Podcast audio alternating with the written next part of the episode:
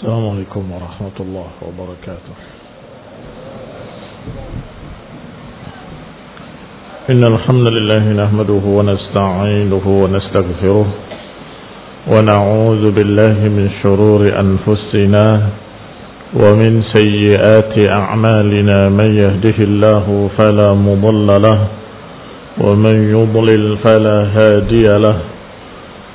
وأشهد أن لا إله إلا الله وحده لا شريك له وأشهد أن محمدا عبده ورسوله صلى الله عليه وعلى آله وأصحابه والتابعين وتابع التابعين ومن تبعهم بإحسان إلى يوم الدين.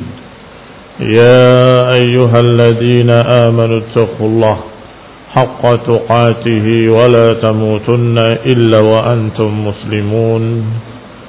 يا أيها الناس اتقوا ربكم الذي خلقكم من نفس واحدة وخلق منها زوجها وبث منهما رجالا كثيرا ونساء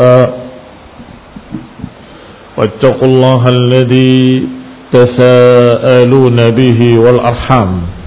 إن الله كان عليكم رقيبا.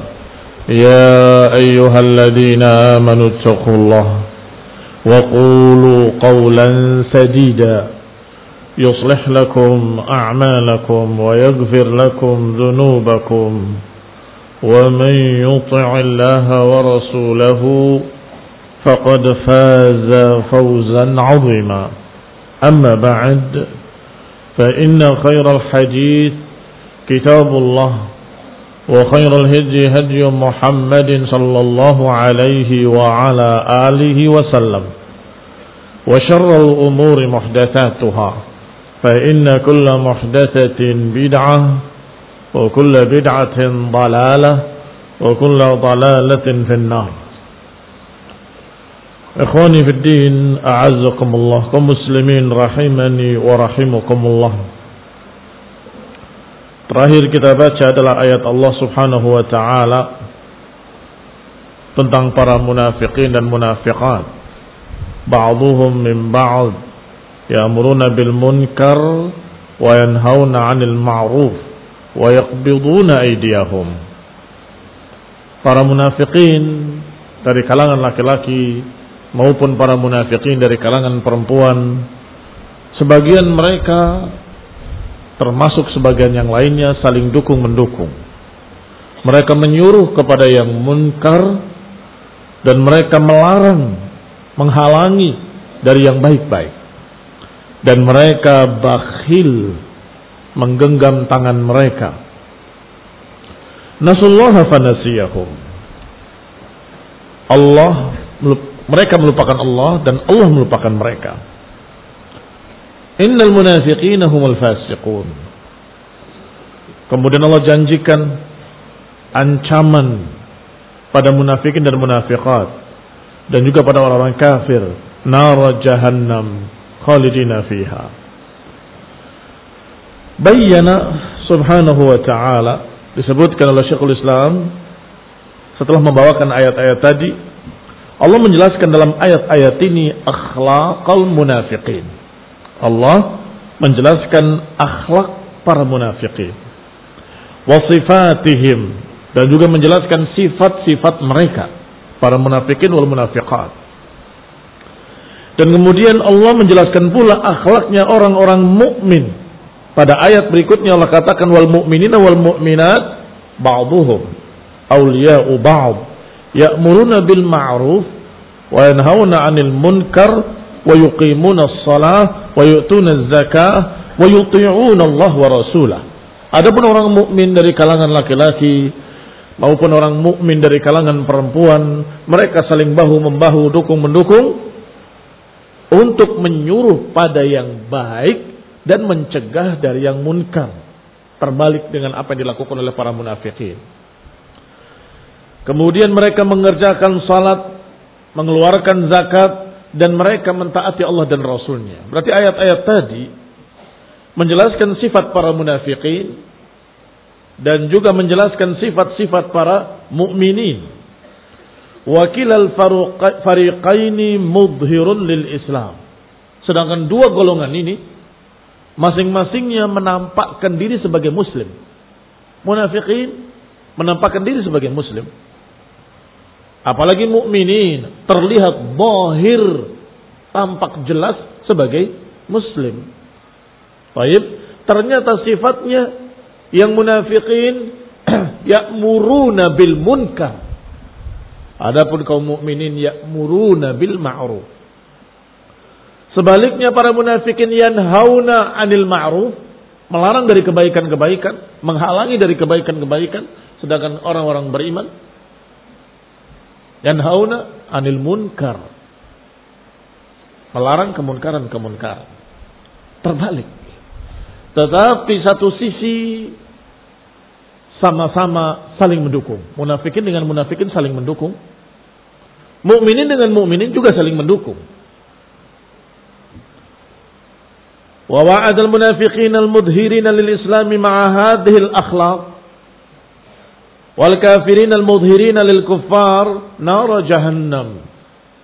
Tetapi ayat berikutnya Allah terangkan ancamannya kepada para munafikin yang menampakkan keislaman dan kufar yang jelas-jelas kafir menampakkan kekafiran. Dua-duanya diancam dengan ancaman yang sama, yaitu neraka. Kafir yang terang-terangan dan kafir yang berpura-pura muslim. Munafikin dengan kufar. Allah katakan dengan kalimatnya wa'adallahu al-munafiqina wal munafiqi wal munafiqat wal kuffara nar jahannam. Allah ancamkan kepada para munafikin dan munafiqat dan juga orang-orang kafir yang terang-terangan kafir Allah persiapkan neraka jahanam. Berarti tidak peduli penampilan. Yang dihitung adalah hakikatnya yang ini berpenampilan muslim. Yang ini berpenampilan kufur. Terang-terangan. Tetapi dua-duanya Allah ancam dengan neraka jahanam. Qala kata beliau selanjutnya wa amara nabiyahu bijihadit ta'ifataini dan Allah perintahkan nabinya untuk memerangi dua golongan tersebut yang terang-terangan kafir atau yang berpura-pura Islam. Jahidil kuffara wal munafiqin. Tentunya orang kafir yang harbi yang memerangi kaum muslimin maka diperintahkan kita untuk melawan mereka. Jihad secara fisik. Tetapi para munafikin wal munafiqat yang penampilannya muslimin Perangi mereka dengan qawlan baligha. Perangi mereka dengan qawlan sedida. Perangi mereka dengan hujjah, dengan dalil, dengan kata-kata yang jelas gamblang yang tidak mungkin ditafsirkan dengan tafsir-tafsir yang lain. Sebab para munafikin pasti akan menafsirkan sesuai hawa nafsu. Kan berpura-pura Islam. Sehingga pasti akan pakai dalil. Tetapi dengan memaknainya yang salah atau dengan menyelewengkannya kepada makna yang salah. Allah 'abdahu wa rasulahu Muhammadan sallallahu alaihi wa ala alihi wasallam wa hajara ila al-Madinah sara an-nasu thalathatu asnaf. Sejak Allah mengutus nabinya dan rasulnya Nabi Muhammad sallallahu alaihi wa ala alihi wasallam Sejak beliau berdakwah sampai hijrah ke Madinah, maka di sana tampak tiga golongan manusia. Anas salah satu asnaf. Sinfun mu'minun. Wa sinfun munafiqun. Wa sinfun kuffar. Qala Alhamdulillah. Amal kafir Adapun yang dimaksud kafir adalah yang terang-terangan kafir.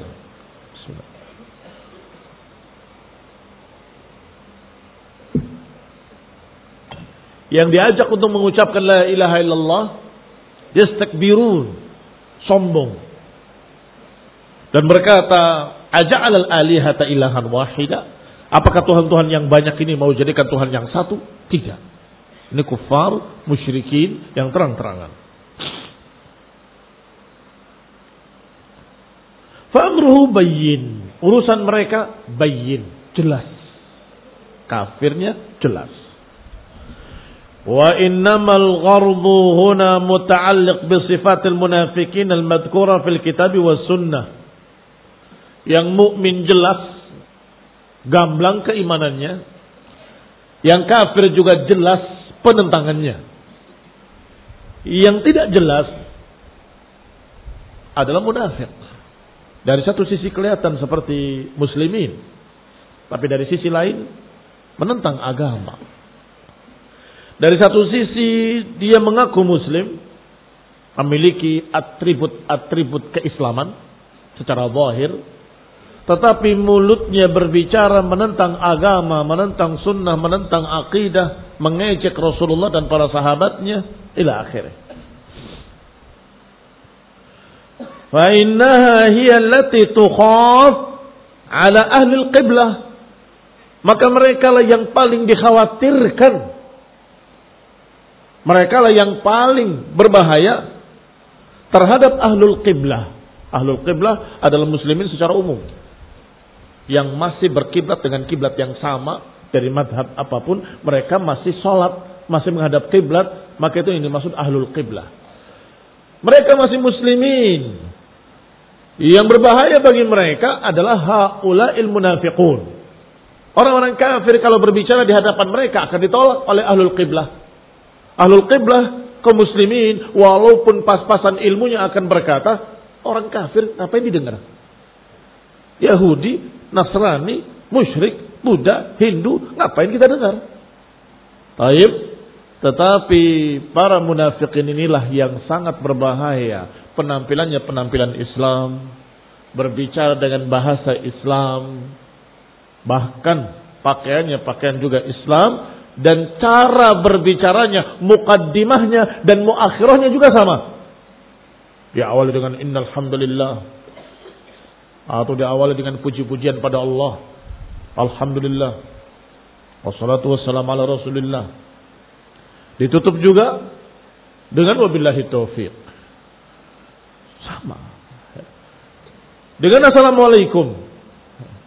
Ini barakallahu fiikum tetapi ketika berbicara di dalamnya terkandung penentangan terhadap agama karena memang tujuannya menyesatkan umat karena dia munafik murni 100% berpura-pura Islam. Ikhwani fi din muslimin rahimani wa rahimakumullah diawali dengan Abdullah bin Saba al-Yahudi. Dia Yahudi, benci pada Islam, tapi berpura-pura sebagai muslim. Kemudian mulai memasukkan syubhatnya. Sesungguhnya dari dulu setiap para nabi itu akan mewariskan kepemimpinannya kepada keluarganya. Daud dilanjutkan oleh Sulaiman. Ibrahim dilanjutkan oleh Ismail dan Ishak. Ishak dilanjutkan dengan Yakub. Lihat, kenapa kok tiba-tiba Rasulullah SAW wafat diberikannya pada Abu Bakar wa Umar? Seharusnya atau belum ada Umar waktu itu. Kenapa Abu Bakar? Bukankah mestinya Ali sebagai keluarga Nabi? Mulai syubhat ini menyebar ke mana-mana. Lihat ibn azakumullah. Memang dari luar Islam berpura-pura masuk Islam. Abdullah bin Sabah al-Yahudi. Rencananya ingin merusak memang. Seperti bulus di zaman Isa ibn Maryam. Berpura-pura menjadi pengikut Isa, kemudian merusak agama. Dan demikian pula Sabaiyun dan yang sejenisnya muncul di setiap zaman. di setiap zaman. Qala dikatakan innaha hiyallati tukhaf ala ahli al-qiblah. Mereka lah yang dikhawatirkan akan membuat fitnah terhadap kaum muslimin. Fawasafa Allah subhanahu al-munafiqina bi anna ba'dahum min ba'd. Maka disifatilah oleh Allah subhanahu wa ta'ala ciri-ciri munafikin. Bahwa mereka saling mendukung satu sama lain Kemudian mereka menyuruh pada yang munkar dan mencegah dari yang ma'ruf. Wadhalika li'anna al-munafiqin tashabahat qulubuhum wa amaluhum. Mengapa mereka saling mendukung, saling membela? Karena mereka tashabahat qulubuhum. Karena hati-hati mereka sama. Sejenis. Yang namanya arwah junudun mujannadah ma ta'arafa minha talaf wa ma tanakara minha ikhtalaf. Yang namanya arwah itu seperti tentara yang solid. Apa yang mereka saling melihat ciri-cirinya sama, mereka saling mengenali, maka niscaya mereka iktalaf bersatu hatinya. Wa tanakara dan apa yang bertentangan berbeda atributnya, berbeda seragamnya, ikhtilaf akan berselisih. Dari dulu namanya tentara pasti ada atribut yang sama. Untuk apa? Ciri-ciri. Ini kawan. Yang itu lawan. Ya zaman sekarang sudah terlihat jelas dengan seragamnya masing-masing. Tentara Indonesia, tentara Amerika, tentara masing-masing punya seragam sendiri-sendiri dengan bendera sendiri-sendiri. Atribut. Supaya tahu ketika perang mana kawan mana lawan. Dulu juga demikian. Walaupun bukan seragam pakaian mereka akan ikatkan satu ikatan yang sama. Atau mereka akan ikat di tangannya, di lengannya ikatan yang sama. Atau mereka memiliki sandi-sandi. Seperti ketika Rasulullah SAW mengajarkan pada mereka sandi amit, amit. Amit itu artinya matilah. Kalau dijawab dengan benar fi sabilillah berarti dia muslim. Kalau dia kata amit bingung tembak. Oh bukan tembak ya dulu. Panah ya. atau tikam atau tusuk ila akhir. Berarti musuh. Ya. Kalau ragu-ragu. Itu tentara. Mesti memiliki ciri-ciri dan atribut yang sama untuk tahu siapa kawan siapa lawan. Maka kata Nabi al-arwah Ruh-ruh manusia juga sama. Seperti tentara yang solid. Kalau melihat ini sama dengan saya, akan dekat. Akan akrab. Sehingga para ulama menyatakan sungguh kita akan sulit melihat hati manusia. Apakah ini sahibus sunnah atau sahibul hawa. Karena dohirnya sama. Tetapi kita akan tahu. Apakah dia sahibus sunnah atau sahibul hawa dengan akranihi wa ashabihi bersama siapa dia iktalafa. Sebab hati yang sama akan iktalaf duduk di tengah ahlu sunnah gelisah. Omongannya sinis emang yang benar cuma di sini. Loh kamu ini gimana? Iya kan benar ucapan saya nggak salah emang semua kebenaran terkumpul di sini ajib Kalimat itu benar.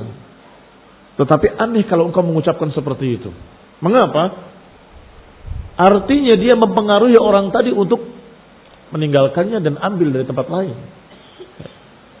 Dari ahlul hawa. Ternyata ketika dia duduk bersama ahlul ahwa, mukanya ceria, gembira, kelihatan dia betul-betul seperti ikan taruh di air. Kalau tadi seperti ikan di darat, gelisah. Kayaknya kursinya panas. Lihat jam lagi, lihat jam lagi, gelisah. Karena hanya pura-pura. Hanya pura-pura itu nggak betah lama. Matanya kayak maling. Lihat kanan, lihat kiri. Ada sesuatu. Berarti hatinya tidak bersama kita. Kan begitu. Ikhwan ibn a'azakumullah kaum muslimin rahimani wa rahimakumullah. Li'annal arwah junudun mujannadah. Karena ruh-ruh itu seperti tentara yang salid. Apa yang sama akan dekat, apa yang berbeda akan jauh. Maka munafikin wal munafiqat akan dekat sesama mereka dan saling dukung mendukung, saling bela membela. Kalau masuk satu majelis atau ke masjid ada seratus muslimin dan satu munafik. Munafik yang masuk tadi tengok-tengok mesti akan duduk di sebelah munafik yang sudah ada. Walaupun sendirian. Sebaliknya, seorang ahli sunnah, seorang muslim masuk ke masjid, munafikin semua. Kecuali satu orang yang muslim di pojok sana. Dia tengok-tengok, langsung mendekat kepada muslim tadi. Gimana kabarnya? Sehat. Mengapa? Arwah junudun mujannada. Karena ruh itu seperti tentara yang solid. Melihat mana yang sama dia mendekat, mana yang tidak sama dia menjauh. Ikhwani ibn a'azakumullah. Tashabahat qulubuhum wa amaluhum. Wahum ma'adhalik. Tetapi mereka bersama dengan itu. Qulubuhum syatta. Tahsabuhum jami'an. Wa qulubuhum. Mereka berjauhan, hatinya kelihatan bersama, tapi hatinya berjauhan. Dohirnya mereka akrab, tetapi hatinya berbeda jauh. Mengapa? Tadi katanya hatinya sama. Sama dengan makna pokoknya anti-Islam. Sama dengan kalimat anti-Islam. Yang ini anti-Islam karena dia ingin itu. Yang kedua anti-Islam karena dia ingin yang ini. Yang ini karena ingin kedudukan, yang ini karena ingin uang, yang ini karena ingin itu. Sehingga mereka saling jegal menjegal. Mengapa? Masing-masing ambisi.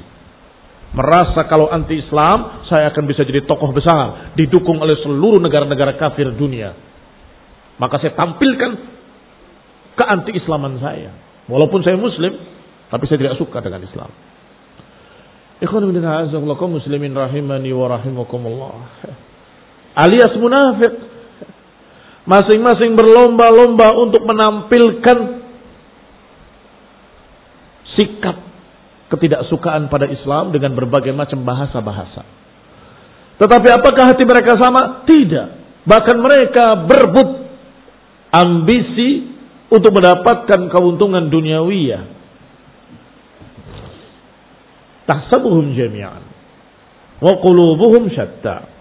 Falaisat qulubuhum mutawadda mutawaliyah illa madamal gharab alladhi yu'minuhu mushtarikan bainahum. Nah, ya'ummunahu. Maka mereka hati-hatinya tidak saling cinta mencintai, mutawaddah saling cinta mencintai, tidak. Tidak pula saling sayang menyayangi. Kecuali sekedar mencapai tujuan. Sekedar mencapai tujuan. Yang kebetulan sama. Ba'd. Kemudian masing-masing berlepas diri dari yang lainnya. Karena masing-masing punya tujuan sendiri-sendiri, punya ambisi sendiri-sendiri. Bikhilafil mu'min fa innahu yuhibbul mu'min wa yansuruhu. Berbeda dengan mukmin dan mukmin yang lain, mereka saling cinta mencintai, saling menolong karena betul-betul hatinya cinta. Ini kehebatan Islam. Benar-benar persatuannya hakiki. Saling cinta mencintai. Wa in tana'at bihimud diyar. Walaupun tempat-tempatnya berjauhan Wataba'udil zaman walaupun zamannya berbeda. Kalau ada seorang muslim yang berpegang dengan agamanya, berpegang dengan tauhid dan sunnah di ujung gunung timur sana, sampaikan salamku padanya. Kalau ada di ujung barat sana, sampaikan salamku padanya. Karena sungguhnya mereka adalah saudaraku yang aku cinta mereka. Demikian ucapan para ulama.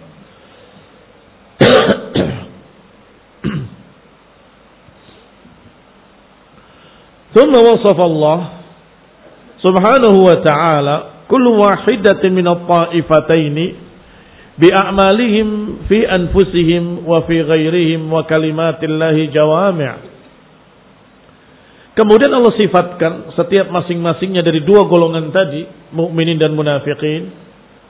Allah terangkan amalan mereka pada diri-diri mereka dan amalan mereka pada orang selain mereka. Dan ucapan Allah itu jawami'. Ucapan Allah simple tapi bermakna luas. Ringkas tapi sangat padat isinya.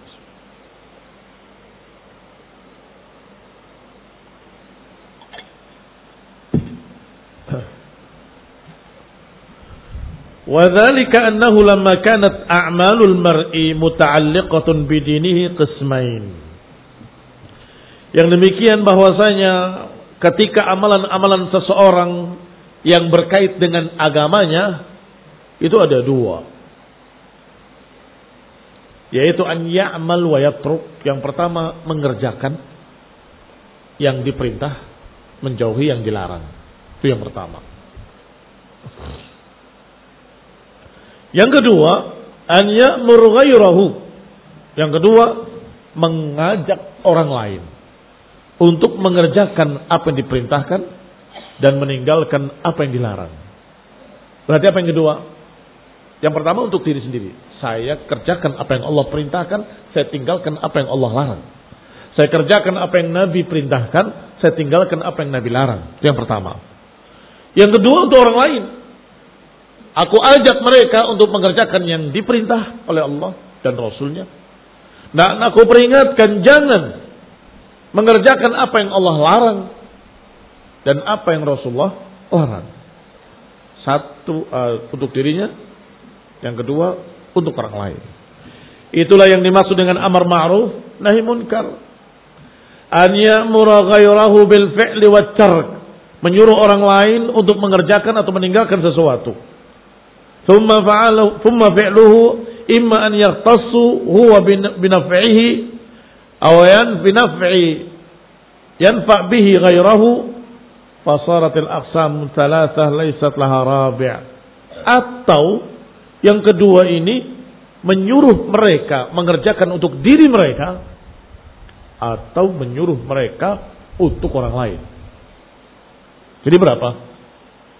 Tiga. Tadi bilang dua. Naam dua. Tapi yang kedua ada dua jenis. Yang pertama mengamalkan untuk diri sendiri. Yang kedua memerintahkan orang lain. Ternyata memerintahkan orang lain, ada memerintahkan orang lain untuk mereka sendiri. Dan ada memerintahkan orang lain untuk keuntungan yang lainnya. Barakallahu fikum.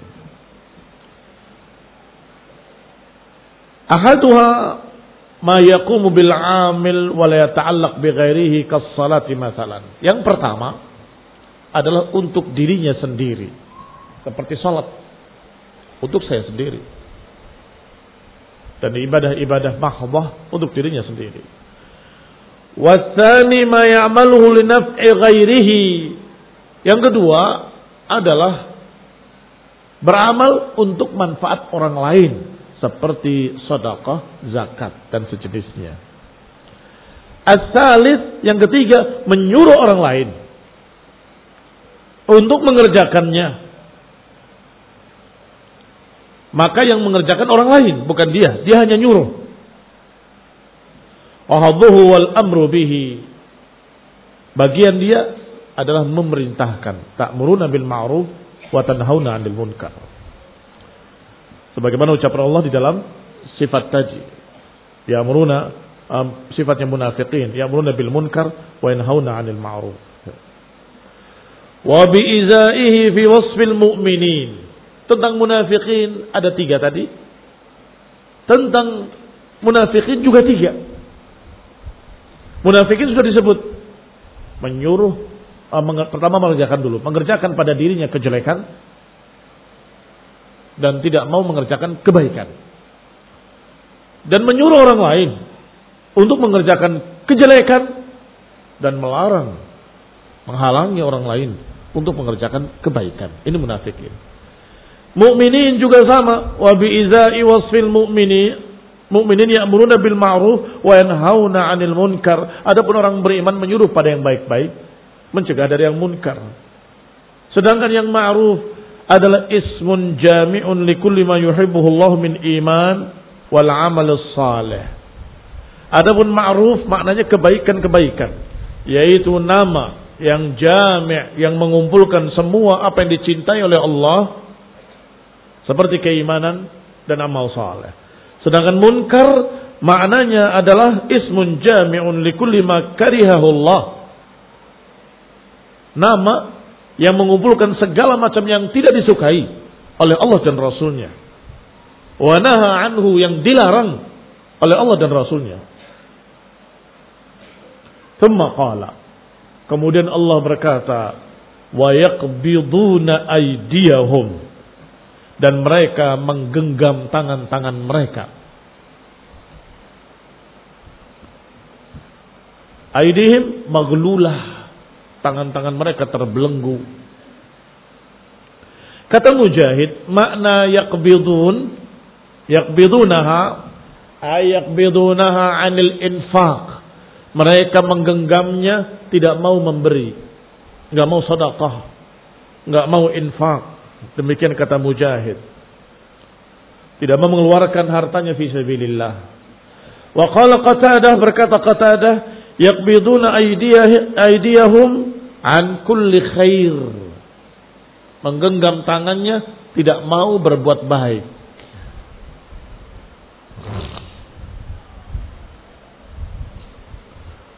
Famujahid asyara ila naf'i bil mal.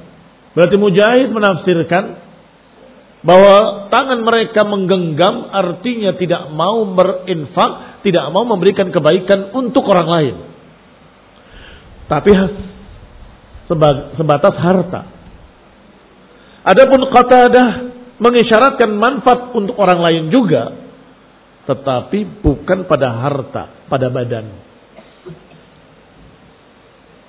Lihat teman-temannya kerja membersihkan masjid, tangannya begini.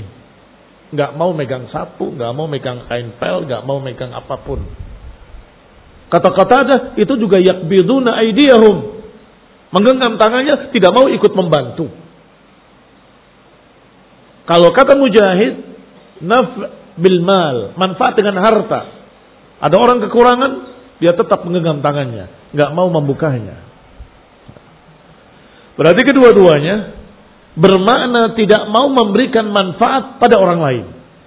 Yaqbiduna aydiyahum, mereka menggenggam tangan mereka yang tidak mau membantu orang lain, la bil mal wala bil amal. Tidak dengan harta, tidak pula dengan perbuatan. Tidak mau membantu dengan perbuatan, tidak mau membantu dengan harta. Dan dua tafsir ini tidak bertentangan. Bisa dua-duanya. Para munafikin di samping menyuruh pada yang jelek dan mencegah dari yang baik, mereka juga yakbiduna aidiyahum, tidak mau membantu manusia, tidak dengan hartanya, tidak dengan tenaganya. Bakhil. Wa qabdul yad, tangan yang menggenggam, ibaratun anil imsak. Itu adalah ungkapan untuk menunjukkan bahwa tangannya tidak mau berbuat apa pun untuk orang lain. Kama fi qawlihi ta'ala sebagaimana dalam ayat Allah yang lain wala taj'al yadaka maghlulatan ila 'unuqik wala tabsutha kullal basta Jangan kau jadikan tanganmu terbelenggu di lehermu dan jangan pula kamu buka dengan berlebihan. Yang namanya belenggu ketika itu di sini. Gitu. Bukan begini. Tapi begini.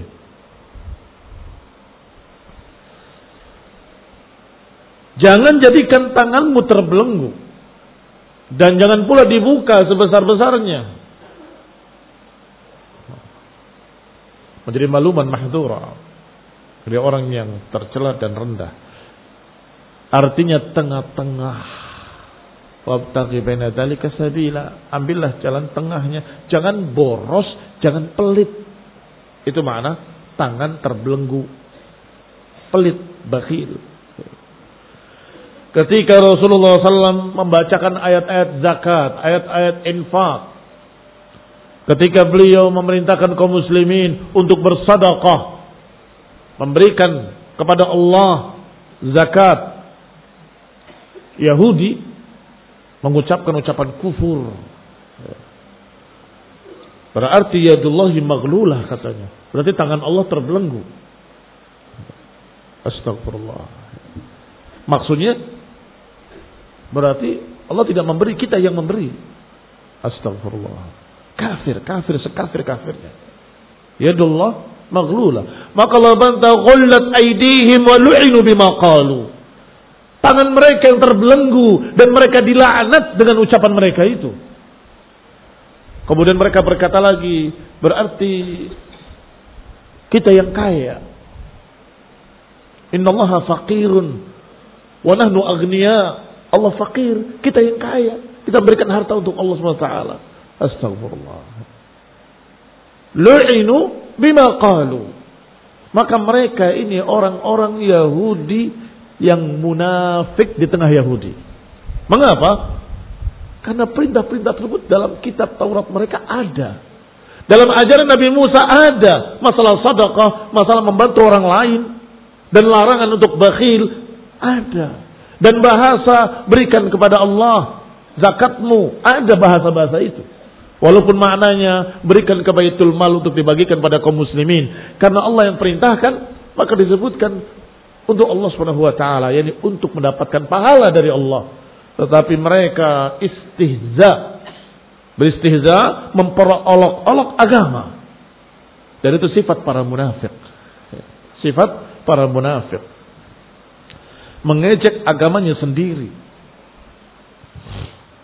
Memperolok-olok agamanya sendiri. Sebagaimana disebutkan dalam ayat waqalatil yahud yadullahi maghlulah Yahudi berkata, tangan Allah terbelenggu. Ghullat aidihim wa lu'inu bima qalu. Tangan mereka yang terbelenggu dan mereka dilaknat karena apa yang mereka ucapkan. Bal yadahu mabsutatan yunfiqu kaifa yasha. Bahkan kedua tangan Allah terbuka. Allah Maha Pemberi, Maha mengabulkan doa. Allah Maha Penyayang, Yunfiqu kaifa yasha. Allah berikan sekehendaknya. Berarti apa makna tangan terbelenggu? Hiya haqiqatun urfiyah. Berarti itu adalah hakikat secara urf dalam bahasa Arab dipahami demikian. Zahiratan minal lafaz yang sangat zahir dari lafadznya. Au hiya majazun masyhur atau dia majazun masyhur. Syekhul Islam Ibn Taimiyah rahimahullah menyebutkan ini hakikat urfiyah atau majazun masyhur.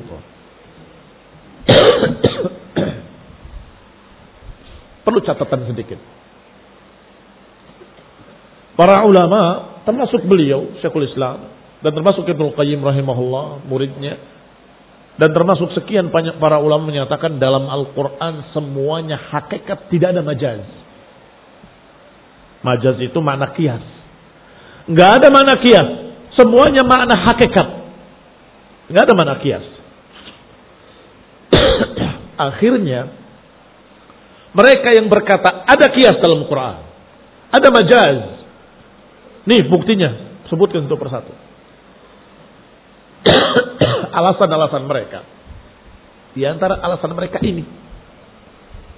Menggenggam tangan itu bukan hakikatnya menggenggam tangan. Menggenggam tangan nggak dosa.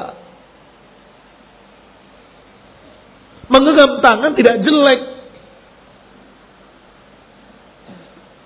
Baik, mana yang jelek? Yang jelek itu menggenggam dengan makna tidak mau berinfak.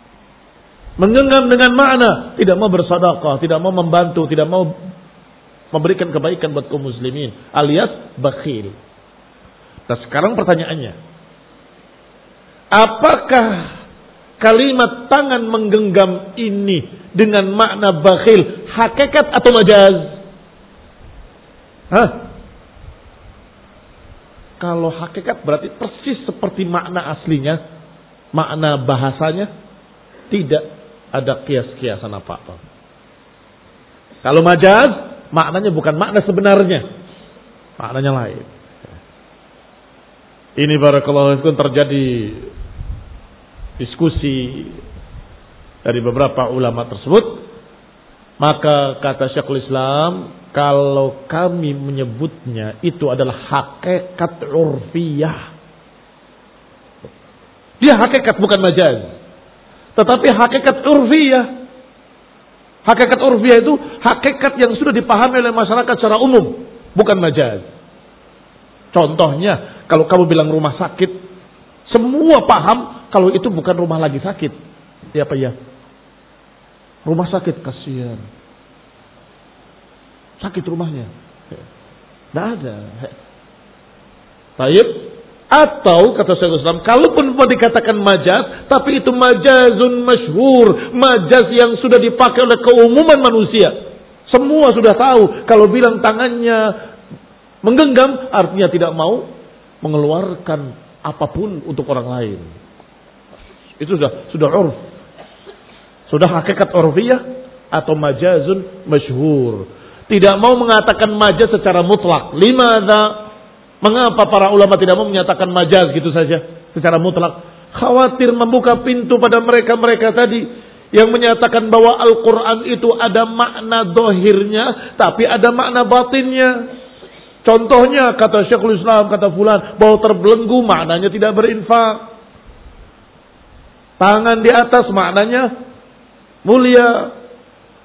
Berarti bisa jadi ayat-ayat ini pun maknanya bukan makna sebenarnya. Makna kias, majaz. Ini juga majaz, ini juga majaz. Akhirnya membenarkan kebatinan yang menyatakan bahwa Quran itu memiliki makna zahir dan makna batin. Kalian hanya pelajari makna zahir, kami mempelajari yang batin katanya.